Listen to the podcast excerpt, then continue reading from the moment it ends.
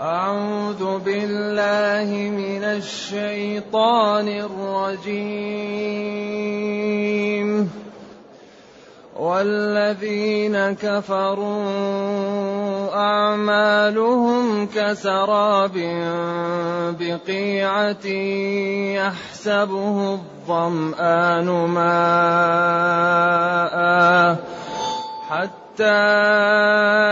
إذا جاءه لم يجده شيئا ووجد الله عنده فوفاه حسابه فوفاه حسابه والله سريع الحساب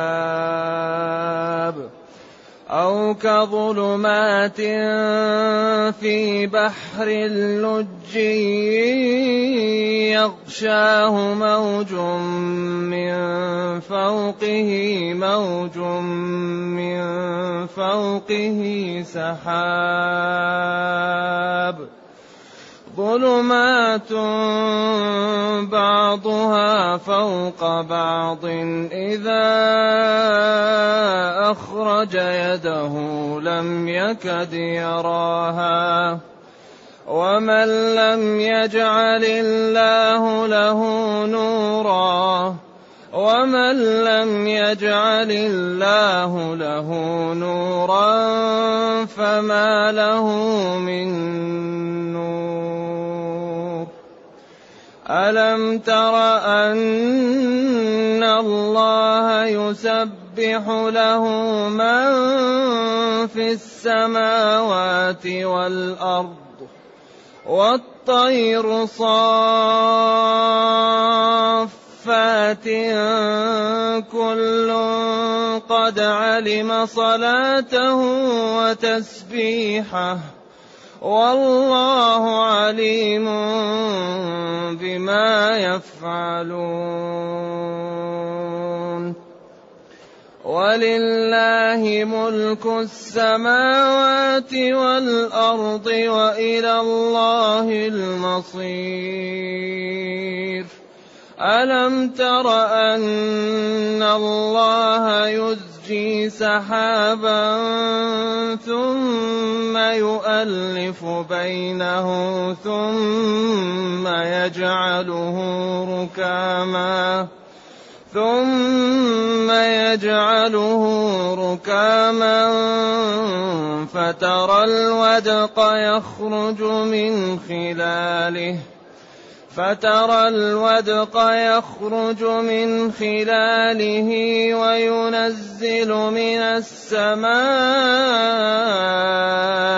من جبال فيها من برد. فيصيب به من يشاء ويصرفه عن من يشاء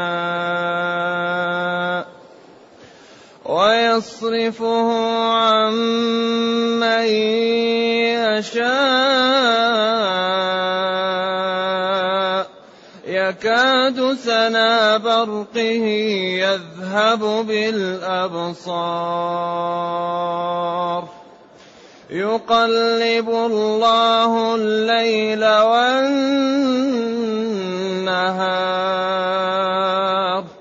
إن في ذلك لعبرة لأولي الأبصار. والله خلق كل دابة من ماء فمنهم من يمشي على بطنه ومنهم من يمشي على رجلين ومنهم من يمشي على أربع. يخلق الله ما يشاء. إن الله على كل شيء قدير. لقد أنزلنا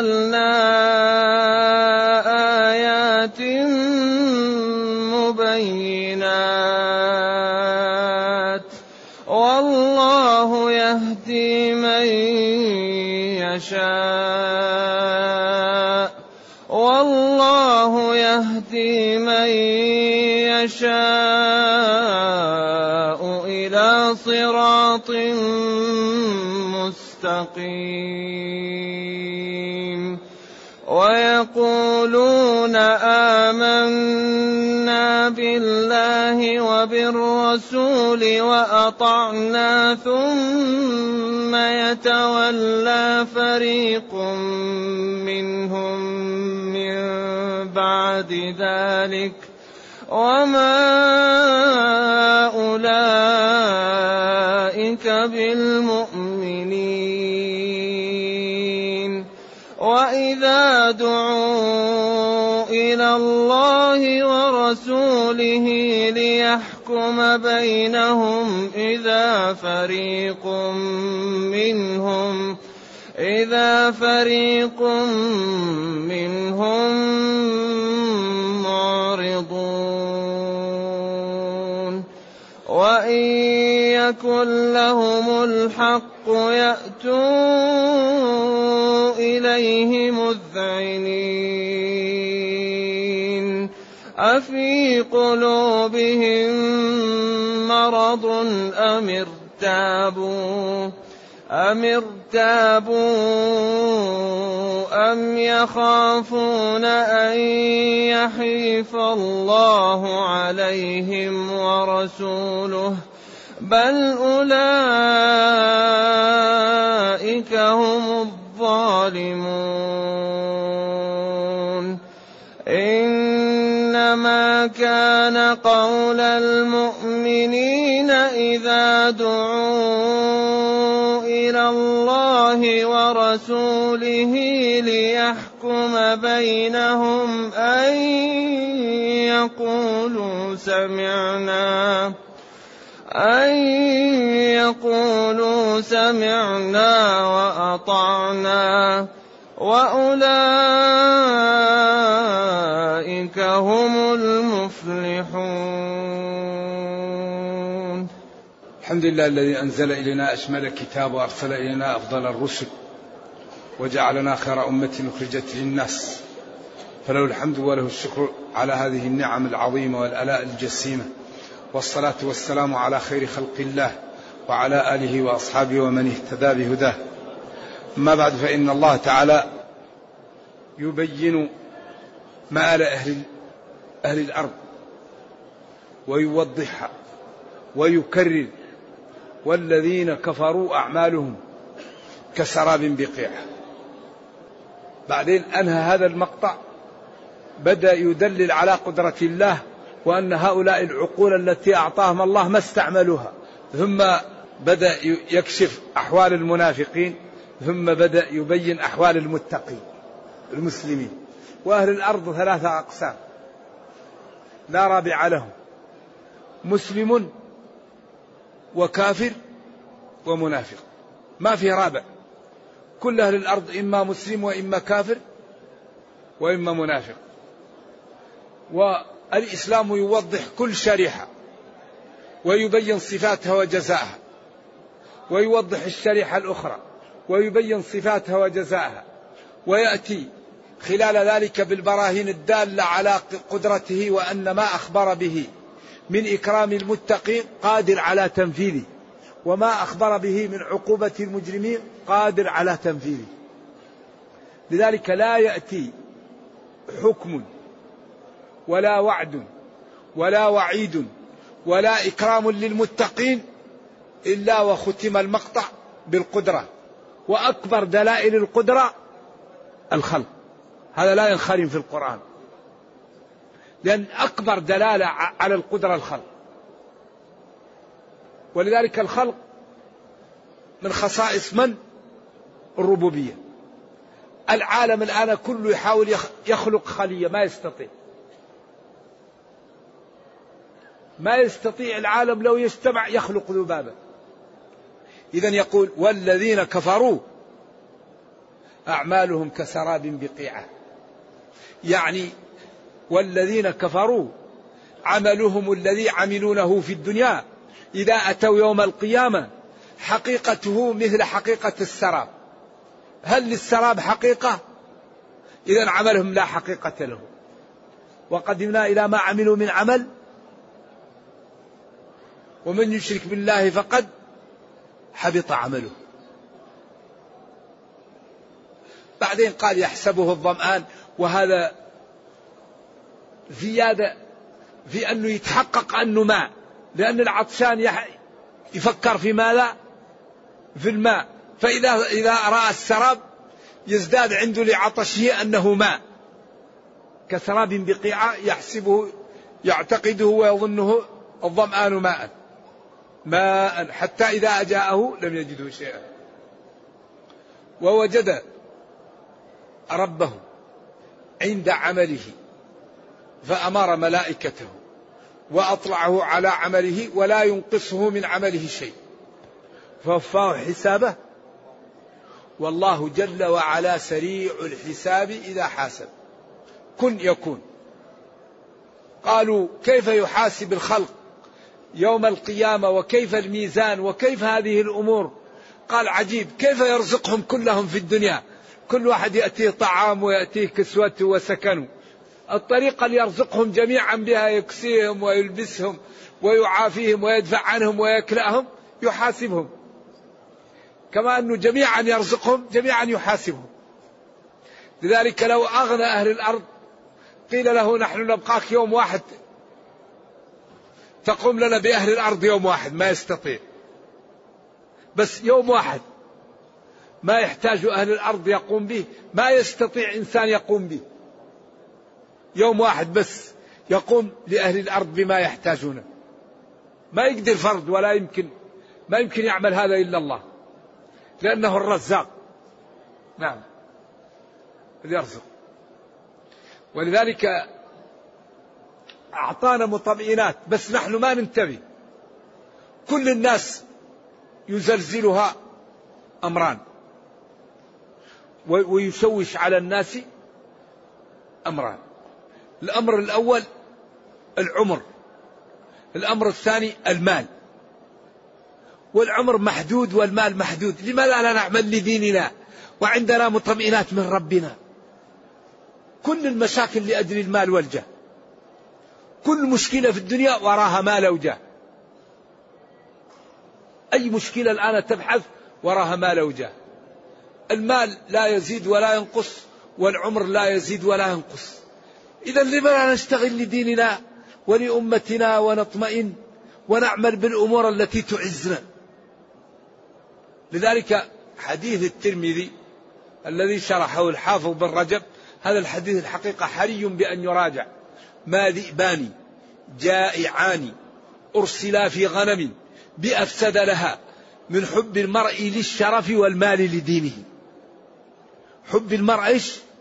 الشرف والمال. جاه أو مال. ثاني يريد جاه يريد مال يريد نفسه لا يصلها شيء. الذي يصلك لا يمكن أن يرد والذي لا يصلك لا يمكن أن يصلك. ولذلك قال اتقوا الله وأجملوا في الطلب. من أكبر الإجمال في الطلب أنك لا تبحث عن الرزق بالحرام. لا تبحث عن الرزق بطريق تكلم عرضك لن تموت نفس حتى تستكمل رزقها وأجلها. مطمئنات الحقيقة ومحفزات لأن المسلم يشتغل لدينه ولأمته قبل أن يموت.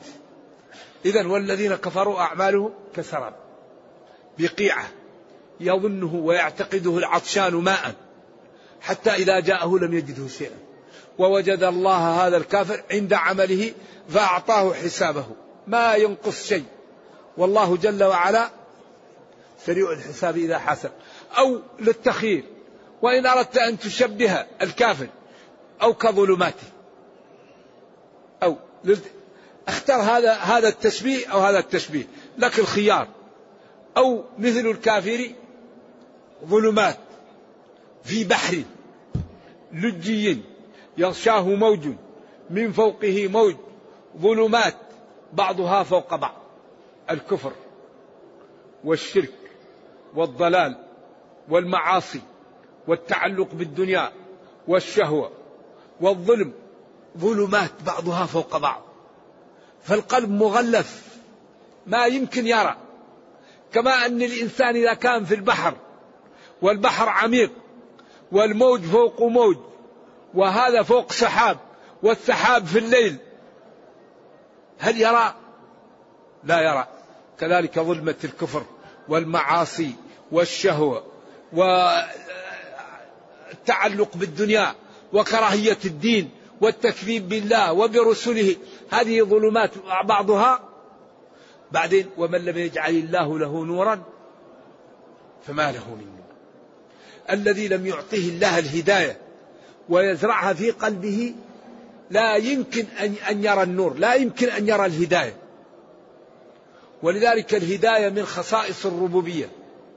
لما حزن نبينا صلى الله عليه وسلم على عمه تألم لأنه عاقل وفحل وخدم الإسلام وخدم النبي صلى الله عليه وسلم وقال والله لن يصلوا إليك بجمعهم حتى أوسد في التراب دفينا. فاصدع بأمرك ما عليك غضاضة وكان يقول له عند نقطة الصفر يا عم قل لا إله إلا الله. الوقت أصبح ضيق. يا عم قل لا إله يا عم قل كلمة أحاج لك بها عند الله. فعياذا بالله سبقت عليه الشقاوة. وجاءه شياطين الإنس. وأثاروا فيه نخوة الجاهلية وقالوا له أترغب عن ملة عبد المطلب؟ فقال في آخر رمق هو على ملة عبد المطلب. قال لأستغفرن لك ما أنهى. قال ما كان النبي والذين آمنوا ولو كانوا أولي قربى من بعد ما تبين لهم أنهم أصحاب الجحيم مات على الكفر. ثم بين أن إبراهيم ما كان استغفاره لأبيه إلا عن موعدة وعدائية. فلما تبين له أنه عدو الله تبرأ منه. ثم قال له إنك لا تهدي من أحببت ولكن الله يهدي من يشاء. فالهداية مثل الخلق ولكن يهدي للبيان والإرشاد. كما قال وإنك لتهدي يبين للناس. وقال لهم أرأيت إن دعوتكم أن خيلا وراء الوادي قال ما وجدنا عليك كذب. قال إني نذير لكم. فقال الكبراء تبا لك ألسائر اليوم دعوتنا. فلذلك ينبغي للمسلم أن يقبل الحق ممن قاله لا يقول هذا صغير وأنا كبير أو أنا لمنزل وهذا ما له منزل. الحق يقبل والخطأ يرد. لا تحقرن الرأي وهو موافق حكم الصواب. إذا أتى من ناقص. فالدر وهو أعز شيء يقتنى ما حط قيمته هوان الغائص. المسلم يعود نفسه على قبول الحق. الحق يقبل الخطأ يرفض. الخطأ يرفض ممن قاله الحق يقبل ممن قاله تعود على هذا. طيب. لما بين هؤلاء الكفار واضرب لهم هذا المثلين قال بعد ذلك بعدين ومن لم يجعل الله له نورا فما له من نور. ثم بين قدرة الله تعالى وأن الكفر به جنون وضلال وعدم استعمال للعقل وللمنطق وأنه أمر لا ينبغي. ألم ترى أن الله يسبح له من في السماوات ومن في الأرض والطير صافات. ألم ترى أن الله يسبح له من في السماوات والأرض والطير صافات؟ هذا تنبيه للشريحة الكافرة أن كفرها لا محل له وأن الله تعالى يعني نعمه وقدرته واحتياج الخلق إليه يجعلهم جميعا مسبحون. إما بلسان الحال أو بلسان المقال كما قال جل وعلا ولله يسجد من في السماوات والأرض طوعا وكرها. قالوا الكره لأنه هو ما يقدر يسقي نفسه ما يقدر يتمثل الأكسجين في دمه. الطعام والشراب كيف يستفيد منه الجسم؟ هو في حياته محتاج لله فإذا لم يعبده فواقعه يجعله عابد ومضطر وملجأ ولا حيلة له إلا الله. إذا المتقون يسجدون طوعا وغير المتقين ممن لهم عقول حالهم يجعلهم ساجدون لأنهم لا يملكون لأنفسهم ضرا ولا نفعا ولا يملكون موتا ولا حياة ولا نشور فهم مضطرون إلى الله. فكل إنسان في الدنيا كل مخلوق مضطر إلى الله. ألم ترى بعين قلبك وب... و... و... وببصرك وباصرتك أن الله يسجد له من في السماوات والأرض يسبح له من في السماوات والأرض. قيل من تغليب للعاقل لأن العاقل أشرف من غيره لأن من للعاقل وما لغير العاقل. فلما كان المسبح فيه العاقل يغلب العاقل. من في السماوات؟ من الملائكة ومن مسلمي الجن.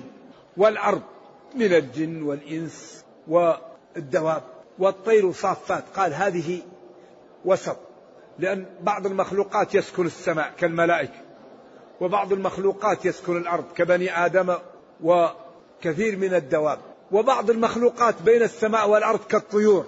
فشمل كل المخلوقات إذا الله يسجد له كل المخلوقات من في السماوات من الملائكة والأرض من الإنس ومن الدواب. والطير صافات بينهما بين السماء والأرض. كل من هذه المخلوقات قد علم صلاته قال صلاته يقصد من لهم العقلاء وتسبيحه من ليسوا بعقلاء لأنهم لا يوصفون بالصلاة.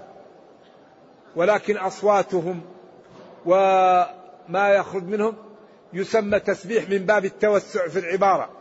ولذلك استعمل الأسلوب لحقيقته ولكنايته أو مجازه لمن يقول إن هذا الأسلوب مجاز وبعض الناس يقول لا هذه حقيقة وهذه حقيقة ولا مشاحة في الاصطلاح. ولذلك ألم ترى أن الله يسبح له يسبح له استعملت في حقيقتها وفي التوسع في العبارة فيها على القول الذي يقولون. نعم. إذا كل ما في الكون هو مضطر إلى الله. إذا من أين لهؤلاء الكفار يكفرون؟ ومن أين لهؤلاء المنافقين ينافقون؟ ونعم الله وقدرته وما أسدى على خلقه ساطع واضح لا لبس فيه. إذا هؤلاء أوقعوا نفوسهم في الهلكة وفي العطب. وينبغي لمن يستمع أن يعتبر ويبادر بأن لا يكون مع هذه الشرائح التي هلكت.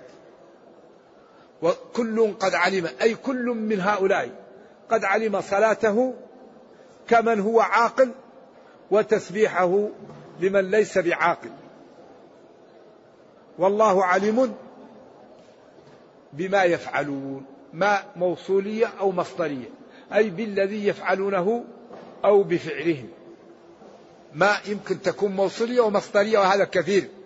والله عليم بما يفعلون وسيجازي كل أحد بعمله. نعم. ولله ملك السماوات والأرض. الله المعبود بحق. ملك السماوات والأرض خلقا وتصرفا وإنشاء وبدءا وكل شيء فيها. وإلى الله المرجع. بالله بعد هذا كيف يكفر الكافر؟ من أين من أين بأي بأي معقولية الكافر يكفر؟ المنافق ينافق. ولكن من يضلل الله فما له من هذا. ثم بين قدرته ونعمه على خلقه بإنزال المطر عليهم وأنه من خصائص ربوبيته وأنه ينزله عليهم بطريق لا تغرقهم ولا تهلكهم فهو رحيم بهم قادر عليهم أنزل لهم ما به يكون نفعهم. وحياتهم مع رفقه بهم وعدم إهلاكهم. ألم ترى أن الله يزجي يسوق؟ سحاب. السحاب هذا اللي تشوفه زي الغمام. ثم يؤلف بينه. تكون غمامة هنا غمامة هنا يجي الملك يسوقها ثم بعدين يجيب بعضها مع بعض مع بعض مع بعض فيكون ركام. مجتمع مع بعض مثل الجبال. ثم يأتي الله بالرياح فتلقحه فيمتلئ من الماء وأحيانا يكون فيه قوالب جبال من الثلج هذه هذه الرياح تلقح هذه السحاب. كيف تلقحها؟ يقول كان محل حار جاء محل بارد فصادف الجو الله أعلم. المهم تلقحها بالطريقة التي يعلمها الله. بعدين فترى الودق المطر يخرج من خلال السحاب كالغربال. رش رش حتى تمتلئ الأرض وتسيل الوديان. فلو نزل قالب جبل من الثلج بالله يبقى أحد حي. لو نزل الماء كأفواه القرب هل كل البلاد تهلك؟ لكن يأتي به رش رش. يسقي الأرض وينظفها وينبت ويأتي بقدر. قدر معلوم قدرة هائلة. كل رشة معدودة. كم رشة؟ كيف تعد؟ هذا الله. وينزل من السماء من جبال فيها من برد ثلاثة من. وينزل من السماء. ابتداء من جبال تبعيضية. من برد للجنس من من من. واحدة ابتدائية واحدة تبعيضية واحدة للجنس. فالابتداء يعني بدء. البدء بدء النزول من السماء. فيها في هذه السحاب بعض البرد. من جبال أي من بعض الجبال. فيها من جنس البرد. أيوة. فيصيب به من يشاء ويصرفه عن من يشاء. لذلك يعني تصريف المطر في الكون هذا لله. الله قال ولقد صرفناه بينهم. قال وأنزلنا من السماء ماء طهورا لنحيي به بلدة ميتا ونسقيه مما خلقنا أنعاما وأناسيا كثيرا ولقد صرفناه بينهم ليذكروا جعلنا بعض البلاد قاحل وبعض البلاد خصب ليعلموا أن هذا من تدبير الله. فأبى أكثر الناس إلا كفر. مطرنا بنوء كذا أو كذا أو لأجل كذا. أو لأجل أن هذا البلاد ما فيه غابات. لا هذا من تدبير الله. ولذلك قال فلينظر الإنسان إلى طعامه. هذا الأمر للوجوب قد لا نتنبه له. وما يدرينا أن هذا الأمر للوجوب. فلينظر الإنسان إلى طعامه. أنا صببنا الماء صبا ثم شققنا الأرض شقا. اعتبار اعتبار. نعم. لا يقدر عليها إلا الله. إذا النتيجة إيه؟ لا يكفر العبد لا يجرم لا يفسق لا يتهور يشكر يستقيم يبادر بالتوبة. هذه قدرة إلهية هائلة. لا لا لا مناص من عقوبة من لم يمتثل أمر الله. ولكن نرجو الله الهداية. يكاد سنة ضوء برقه يذهب بالأبصار. يأتي البرق كذا إذا رآها الإنسان يكاد يأخذ بصره. وهذا لا يقدر عليه إلا الله. ولذلك قالوا الرعد صوت ملك السحاب. هذا في حديث صالح. يقول لك احتكاك الأجرام قال صوت ملك السحاب وربنا قال الذين يؤمنون بالغيب. بعدين قال يقلب الله الليل والنهار. قدرة هائلة يقلب الله الليل والنهار. وقت ظلام فجأة يأتي النور. نور يأتي الظلام يدخل هذا في هذا. وبعدين امتن علينا كثير بالليل والنهار. فالليل لباس وراح والنهار معاش وتصرف. يعني عجيب. ولو كان الوقت كل ليل لسئم الناس. ولو كان كل الوقت نهار لسئم الناس. لكن يأتيك الليل ويأتيك النهار ويتغير لك الأحوال حتى تبقى حياتك إيش؟ نعمة نعم عجيب. وجعلك تروح تصلي لازم تذهب للمسجد وترى إخوانك. وهذا واجب. وأكبر رياضة وأحسنها الصلاة. وتتوضأ. وتشوف الناس. إذا رأيت واحد مريض تعالجه واحد فقير تواسيه عريان مشكلة تعالجها. دين دين عجيب. لو كان كل واحد جالس في بيته كيف الناس تتعاون؟ كل واحد يمرض لكن جعل الصلاة كلها اجتماع. مع ما فيه من الأجر فيه مصالح لنا دنيوية. يقلب الله الليل والنهار. يعني أليست هذه قدرة هائلة؟ إذا النتيجة أطيعوا ربكم ولا تكفروا. بادروا بالتوبة. ابتعدوا عن عصيان الله. يقلب الله يقلب الله الليل والنهار. إن في ذلك لعبرة لأولي الأبصار لأصحاب العقول. عبرة يعتبرون بها ويعلمون أن هذا لا يقدر عليه إلا الخالق. فتنفذ أوامره وتجتنب نواهيه أيوة شوف لما انتهى المقطع هذا ثقل الجملة. والله خلق كل دابة مما. الله خلق لا غيره. والله خلق. ما هو جاء ترغيب؟ ووصف المتقين ووصف الكافرين وجاء قدرة الله. بعدين والله خلق. كما قال اعبدوا ربكم الذي خلقكم. وقال قد أفلح المؤمنون ثم قال ولقد خلقنا الإنسان من سلالة. أكبر دليل على البرهان القدرة الخلق. والله خلق كل دابة مما الدابة تدخل فيها النملة والفيل وما بينهما. النملة الذرة دابة والفيل دابة. إذا كل ما يتحرك على وجه الأرض دابة. وإن كان في بعض العرف جعلوه لذوات الأربع لكن لا. دابة من الدبيب وهو التحرك. دب يدب إذا تحرك. خلق كل دابة من ماء. هنا وقفة للعلماء. قالوا المقصود بالماء هذا الماء الذي يخلق منه. ماء الذكر الذي يخلق منه ويخلق بما ما يكون في الأنثى فيخلق منه. وقيل خلق كل دابة من ماء لأن أول شيء الماء والماء هو الذي كونت منه الكون. فأصل الأشياء وجعلنا من الماء كل الأصول اللي عمل منها الماء. والماء جاءت منه الخلايا والخلية جاءت ثم خلق الله الكون من هذا. وأصل الأرض قبل أن تكون أرض كانت ماء. وأصل النار قبل أن تكون نار كانت ماء. وأصل النور قبل أن يكون نور كان ماء. إذا يكون كل شيء أصله ماء.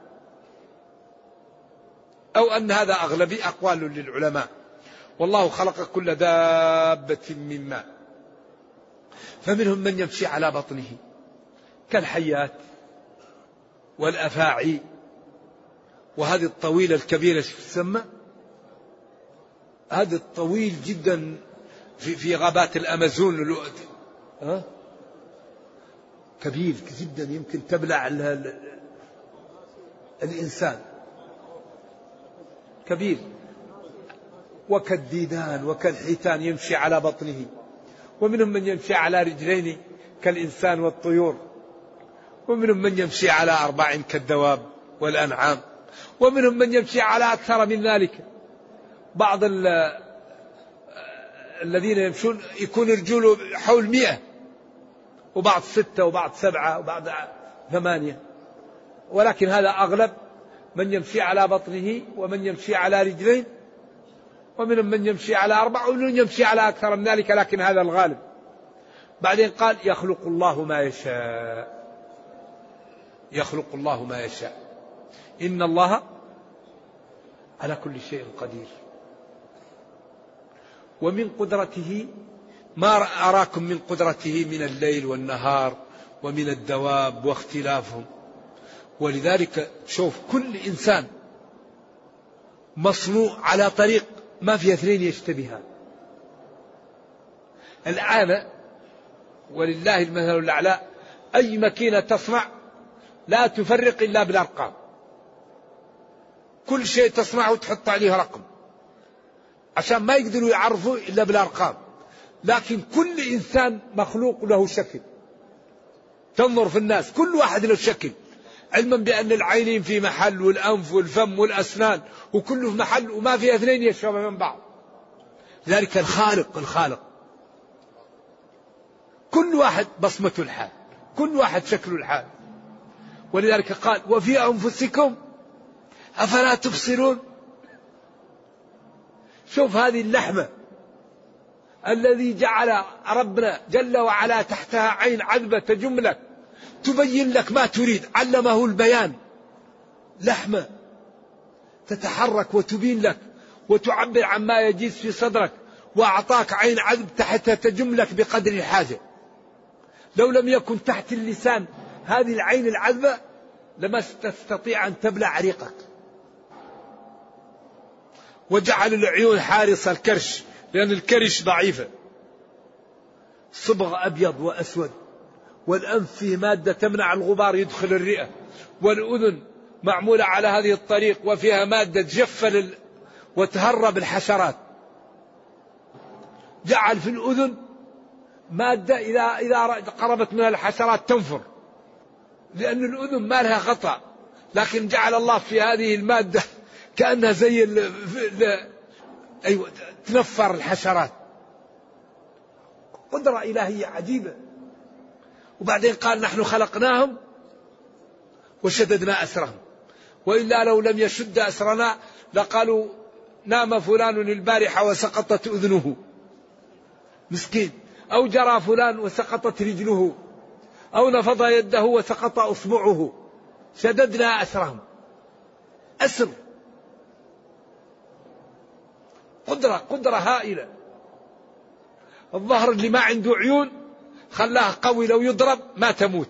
لكن الكرش اللي ضعيفة خلى العيون عليها واليدين كذا.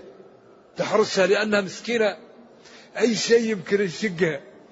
لكن خلى الإنسان كأنه حارسها بعيونه بأيديه. وكأنه زي اللي مدنق عليها كذا. والظهر اللي قوي ما عنده عيون خلاه قوي. قدرة قدرة إلهية. وفي أنفسكم؟ أفلا تبصرون؟ بعدين يقول لك قادرين على أن نسوي؟ ليست البصمة. هذا مرجوح.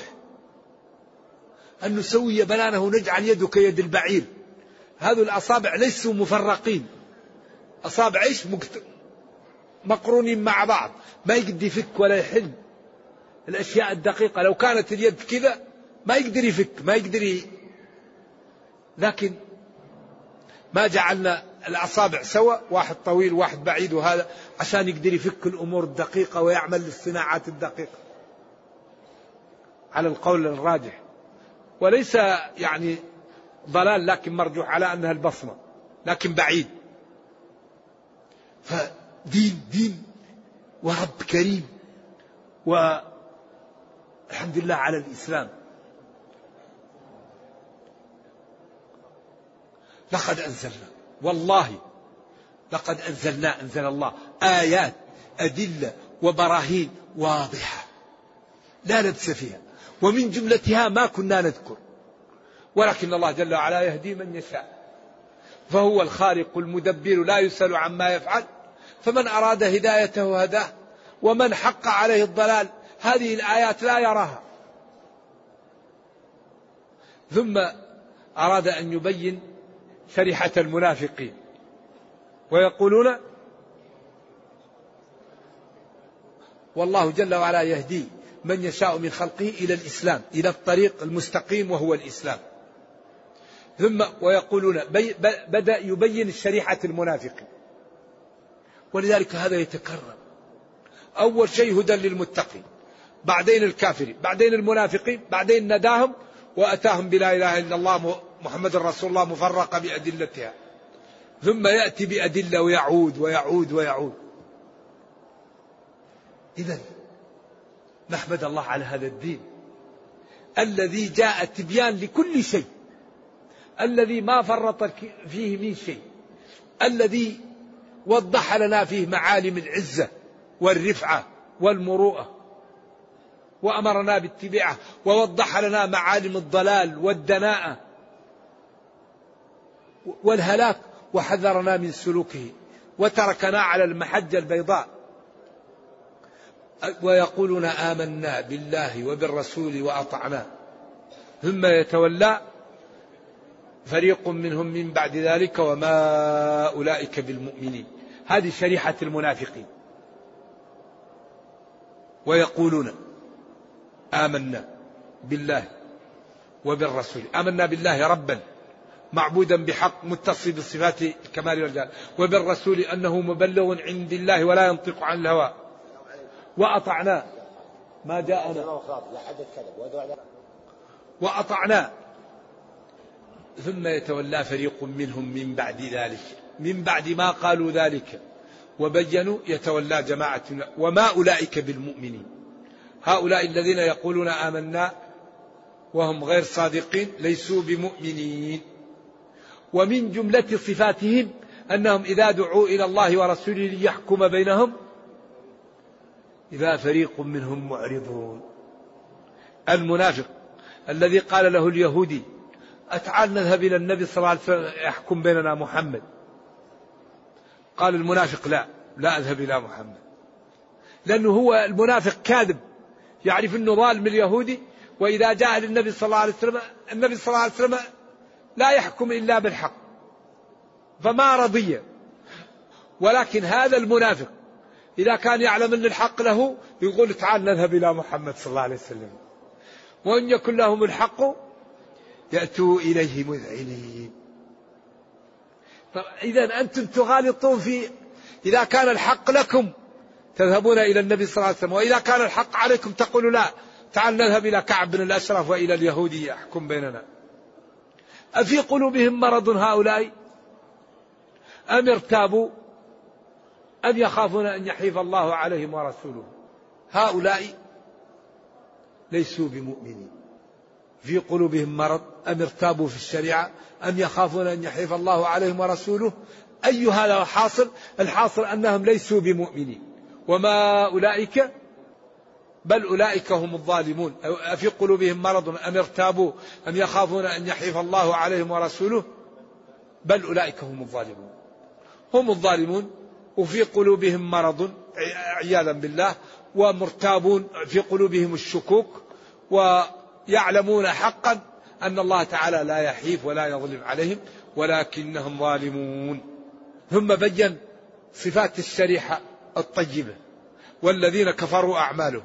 بعدين المنافقين بعدين إنما كان قول المؤمنين.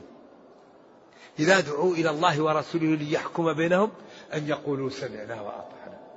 وأولئك هم المفلحون.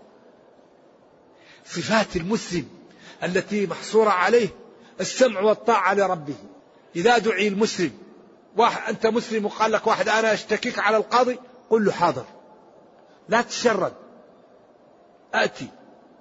إن كنت ظالم ترد المظلمة وإن كنت مظلوم يبين القاضي أنك مظلوم. أي واحد يقول لك تعال معي للقاضي أنا مشتكيك قل له تعال. لي حق عندك. تعال. سمعا وطاعة. بين. إنما كان قول المؤمنين إذا دعوا إلى الله ورسوله ليحكم بينهم في أي قضية في نفوسهم مع الآخرين أي شيء أن يقولوا سمعنا وأطعنا. ولذلك ينبغي أن نتعود على الإنصاف ولا نكيل بمكيالين. المسلم لا يكيل بمكيالين. جارك فقير لا تظلمه. بستان جنبك لأيتام لا تعتدي عليهم. جارك ضعيف لا تأذيه وتؤذي أولاده. عامل عندك جبته قادر عليه. أعطيه حقه ولا تكلفه فوق ما يكلف به النظام. ينبغي أن نتعود على الإنصاف. ليحكم بينهم أن يقولوا سمعنا وأطعنا. ينبغي كل واحد منا أن يحكم يحكم شرع الله في نفسه وفي أولاده وفي من يعود ومع الآخرين. أن نلتزم الدين التزام الدين ممارسة الإيمان قيد الفتك. الإيمان قيد الفتك. إيش معنى الإنسان يكون مؤمن؟ أول ما يأتي يأذي جيرانه. يعق والديه. يأكل الحرام. لا يهتم بأسرته. لا يهتم بنفسه. صلاة لا يهتم بها. الطهارة لا يهتم بها. طيب من أين يأتيه القوة الإيمان إذا كان لا يهتم بطهارته وصلاته؟ أقوى مقوي للإيمان الصلاة. إذا كان الإنسان لا يهتم بها من أين يقوى دينه؟ إذا أن نقول سمعنا وأطعنا ننفذ دعوا إلى الله ورسوله ليحكم بينهم. في كل شيء هذا يدخل فيه كل الدين. ومن يطع الله ورسوله أن يقولوا سمعنا وأطعنا وأولئك هم المفلحون. المفلحون جمع مفلح. والمفلح هو الذي دخل الجنة وأمين من النار. الفلاح هو الفوز والبقاء. وهو الذي يكون للإنسان إذا كان يخاف من شيء أمين منه وإذا كان يرغب شيء رآه. ولذلك الفلاح أن يدخل المسلم الجنة. فيجد ما يحب وهو الجنة ويخاف مما ويأمن مما يخاف منه وهو جهنم. أعاذنا الله وإياكم من النار. نرجو الله جل وعلا أن يرينا الحق حقا ويرزقنا اتباعه وأن يرينا الباطل باطلا ويرزقنا اجتنابه وأن لا يجعل الأمر ملتبسا علينا فنضل. اللهم ربنا أتنا في الدنيا حسنة وفي الآخرة حسنة وقنا عذاب النار. سبحان ربك رب العزة عما يصفون وسلام على المرسلين والحمد لله رب العالمين. والسلام عليكم ورحمة الله وبركاته. يقول متى أنزلت سورة النجم؟ هل أنزلت قبل الإسراء والمعراج أو بعده؟ الله أعلم. نزلت في مكة لكن لا أدري المعراج. حتى متى؟ ما أعرف المعراج في أي وقت. يقول أريد علاج الشكوك والظنون والوسوسة. وجزاكم الله خير. الشكوك والظنون استعذ بالله من الشيطان. ولا تتابع الناس. ولا تحاول أن تأتي لبيتك وأهلك لا يدرون. ولا تحاول أن تسمع لكلام ناس وهم لا يدرون. وإذا فتح الجوال على ناس وهم يتكلمون أقفل الجوال. وإذا فتحت طاقتك ورأيت عورة غض بصرك. وحاول أن تكون في خلوتك مثل ما أنت أمام الناس. وادفع الشكوك. لأن الشكوك أحيانا تكون من الإيمان. وكل ما به يوسوس الشيطان والقلب يأباه هو الإيمان. أوجدتموه؟ الذي يأتيك به الشيطان من الوساوس والقلب يدفعه. هذا إيمان. ولكن الوسوسة الشكوك في الناس والظنون فيهم ما لك مال الناس أنت أصلح نيتك واعمل بدينك ومن عمل صالحا فلنفسه ومن أساء فعليها. ومن راقب الناس ما تهمل. ما لك مال الناس وخذ الناس بما ظهر منهم. الذي يظهر طيب خذه والذي يظهر خبيث تجنبه ولا تنقب عن الناس. لأن أي كلام عن الناس يكون غيبة فلان ذاك أشبو أشبو يبدأ تبدأ الغيبة. مالك وماله. حاول أنك تشتغل كيف نحفظ القرآن. كيف نحفظ كيف نتقي الله كيف نتعود على على العبادة كيف نتعود على ترك أعراض الناس؟ أما فلان إذا سألت عن فلان تبدأ الغيبة فلان هذاك كيف؟ طيب كيف؟ إيش هو؟ تبدأ الغيبة. ما هو فاهم؟ غيبة. سريع الغضب؟ غيبة. غير كريم؟ غيبة. يتكلم في الناس؟ غيبة. في حدة؟ غيبة. إذا ما لك وماله تفتح لك باب ليأخذ هذا منك. أعراض اترك الناس. ولذلك إذا تعود العبد على ترك الناس يكون كل يوم يروح حقه عنده حسنات كثيرة. وإذا تعود على الكلام في الناس كل صلاة يأخذها الناس. صومك ذكرك نفقتك قراءتك للقرآن. ما لك وما للناس ولذلك ثقوا تماما. أن أي قضية حصلت في مجلس رفعها إنسان لازم تقع غيبة. طيب كيف نسلم من الناس؟ نتجنبهم. الآن مجلس كنت فيه وذهبت لمجلس آخر. إذا حكيت ما وقع في المجلس يمكن في عشرات الغيبة. فلان قال لي فلان هذه غيبة. فلان مسح على فلان غيبة. فلان دق فلان غيبة. فلان سب فلان غيبة. لأن الغيبة ذكرك أخاك إيش؟ إذا نتجنب القال والقيل بين الناس. نحاول نجعل مجالسنا أول شيء نقرأ حديث نقرأ تفسير آية. نعرف كم واحد في المستشفى لنزوره كم في الحي واحد يحتاج نساعده. يعني نحاول نشتغل في أمور تنفعنا. لا خير في كثير من نجواهم. لا من أمر بصدقة أو معروف أو إصلاح بين الناس. والله هذا هذا الدين في غاية في الجمال والحسن. النجوى واحد ينادي فلان انتبه من فلان. فلان قال لك هذا لا يجوز. واحد المسلم إذا قلت عنده شيء متأكد أنه ما يقوله أبدا لأنه يحرم أن يقوله. فأنت إذا كنت مع مسلم مئة في المئة كأنك في عيد عندك حرس. إذا كنت أنت جالس مع مسلم مئة في المئة واثق أنك إذا قلت أخطأت تنبه. وإذا غفلت تذكر. وإذا نسيت تنبه. وإذا أغتبت أحد أو عملت شيء تستر. لأن هذا مسلم يخاف الله يعلم أن الوشاية لا تجوز وأن المسلم يستر المسلم. النصيحة واجبة. ما أجمل هذا الدين. وما أنجعه. وما أجدره بحل مشاكل أهل الأرض. ديننا الحقيقة يحل مشاكل أهل الأرض بس ينبغي أن نفهمه. هذا يقول شخص سيارة بالتقسيط بمبلغ خمسة عشر ألف وقرر المشتري بيع السيارة نقدا. تذهب للحراج فكانت قيمتها ستة ألاف. فهل للبائع أن يشتريها بمبلغ عشر ألاف؟ لا. السلعة الخارجة من اليد العائدة إليها ملغاة. هذا يسميه الفقهاء بيع العينة. إلا إذا كان البائع أحد جاء واشترى مع مع الناس اللي جاءوا. أما واحد يشتري سيارة من واحد بخمسة عشر ألف مقسطة ويبيعها له ناجزة بعشر ألاف هذا أصبح كأنه أعطاه خمسة عشر, عشر ألاف ليعطيه خمسة عشر ألف مؤجل. وهذا يسمى بيع العينة. وعند الشافعي في بعض الحالات يجوز ولكن إذا كان غير مقصود مثلا أنت اشتريت سيارة من شخص تريد تورق تريد مال فأخذت سيارة بدين من واحد السيارة نزلتها الإحراج جاء هو واشتراها مع الناس زود عليها واشتراها الأمر سهل لكن لا تبيعها له هو قصدا لأنك إذا بعتها له قصدا يكون هذا مشكل.